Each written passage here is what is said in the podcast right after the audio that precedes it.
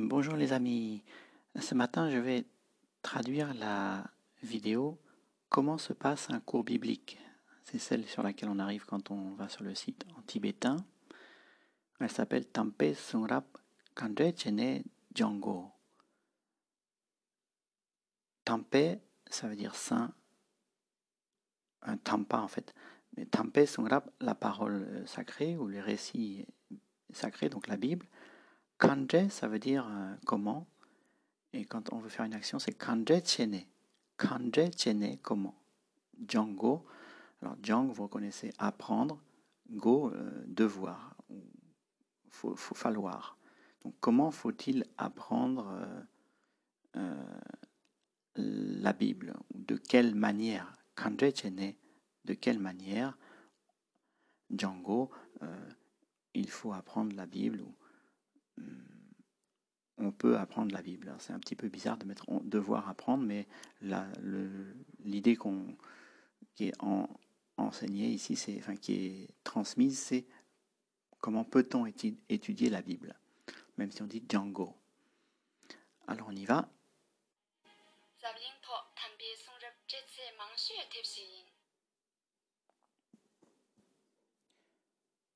Alors, elle dit Zamling Tok ça veut dire sur la terre. Zamling, la terre. Tok, euh, sur. Zamling Tok, sur terre. Et en fait, ça veut dire dans le monde ou au monde. Après, elle dit Chetse Manche Tepchi Yin. Yin, c'est donc l'existence en l'essence. Tep, c'est un livre, donc C'est un. Tepchikin, c'est un livre ou c'est le livre. Juste avant, elle dit mancher. En mancher, ça veut dire euh, le maximum ou le plus. Ça vient de mangpo qui veut dire beaucoup et che qui veut dire un superlatif. Donc le plus beaucoup, hein, le plus. C'est un mot composé qui est fait du verbe che, donner, et tse, à limite.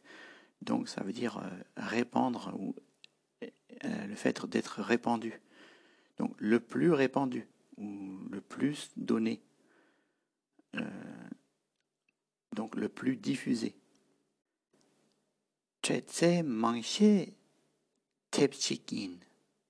C'est le livre le plus diffusé au monde.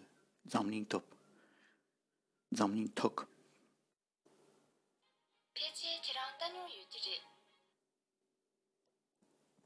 Peltier, ça veut dire peut-être. Kierang, vous. Kierang. Ta, ça veut dire voir.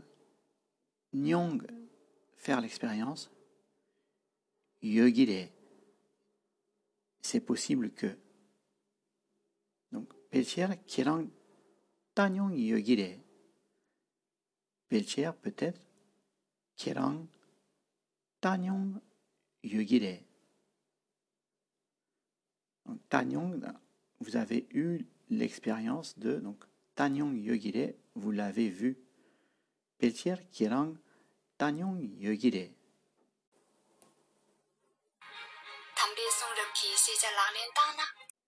Kerangi, ça veut dire vous en tant qu'acteur. Tampe Songrap Gi, Tempé vous connaissez Bible. Tempé Gi, donc ça veut dire de la Bible. Shecha, ça veut dire la connaissance.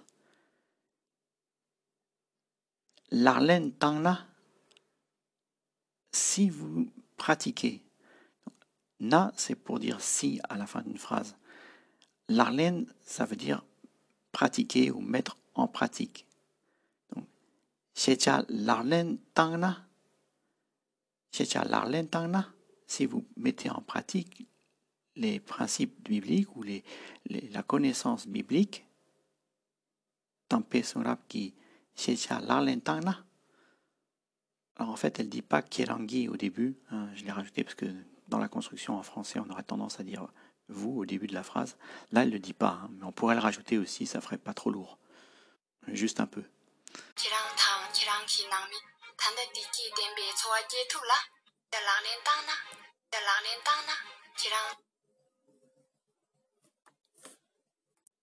Kerang tang, toi et Kerangi nami, ta famille, ou bien vous et votre famille. Nami, c'est les personnes de l'intérieur. Nang, c'est intérieur ou dans. Nami, les personnes de l'intérieur, c'est la famille. Kerangi Nami, votre famille. Après, elle dit Tanda deki tembe tsoa kietupla. Tanda, c'est maintenant. Deki, c'est heureux ou bonheur. Tembe, alors ça veut dire qui tient ou qui possède. Donc, deki tembe, c'est quelque chose qui tient le bonheur. Donc, en fait, c'est pour dire heureux. Parce qu'après, il y a tsoa. Donc, c'est la vie, tsoa. Deki tembe tsoa, une vie heureuse. Kie, ça veut dire, euh, quand c'est associé à tsoa, euh, vivre une vie heureuse en fait. Deki tembe tsoa, kie, vivre une vie heureuse, ou être heureux dans la vie. Et tout, c'est pouvoir. Et ensuite, elle finit par la, qui veut dire euh, et en plus, parce qu'elle va rajouter quelque chose à ce qu'elle vient de dire. Tanda deki tembe tsoa qui est tupla.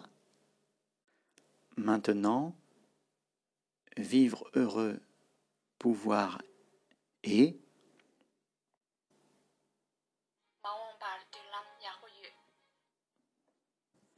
Maompar, ça veut dire dans l'avenir. Maompa, c'est avenir. Maompar, c'est Maompar là, c'est pareil. Dans l'avenir, à l'avenir. Le là a aussi le sens d'attribuer quelque chose à. Donc, à l'avenir. Et après, elle dit d'une lame, il y a poyeux. D'une lame, c'est aussi le mot avenir, cette fois, c'est le nom. Yapo, vous connaissez, qui veut dire bien. Ye, donc il y a. Donc ça veut dire vous aurez avenir bon, vous aurez un bel avenir. Mais on parle d'une lame yapoye. Alors, pardon, vous aurez dans l'avenir un bel avenir, si on traduit directement. Mais on parle d'une lame yapoye.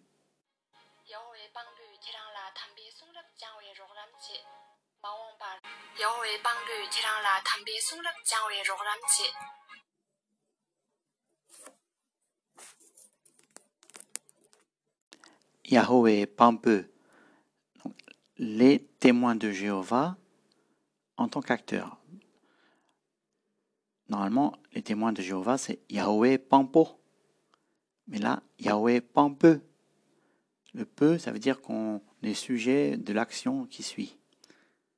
Le O devient E. Kierang la, ça veut dire à vous, qui est fait donc avec Kierang et la, donc c'est c'est attribué à vous. Donc, à vous, Kiran la, Tampe Songrap, vous connaissez, donc euh, la Bible. Jangwe Roram Che. Roram Che, ça veut dire aider. Jangwa, c'est apprendre, étudier. Jangwe Roram Che, aider à apprendre, aider à étudier. la Tampe Sunrap Jangwe Roramche vous aider à apprendre la Bible.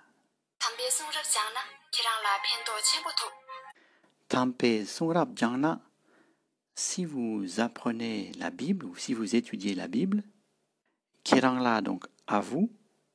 Pentok, c'est des bienfaits. Pentok, tiempo, de grands bienfaits. Tiempo, c'est grand. Et top, c'est obtenir, euh, avoir, recevoir. Euh, pentok, tiempo, top, vous obtiendrez de grands bienfaits. Donc voilà pour la première partie, on continuera plus tard. Bon travail, bonne écoute.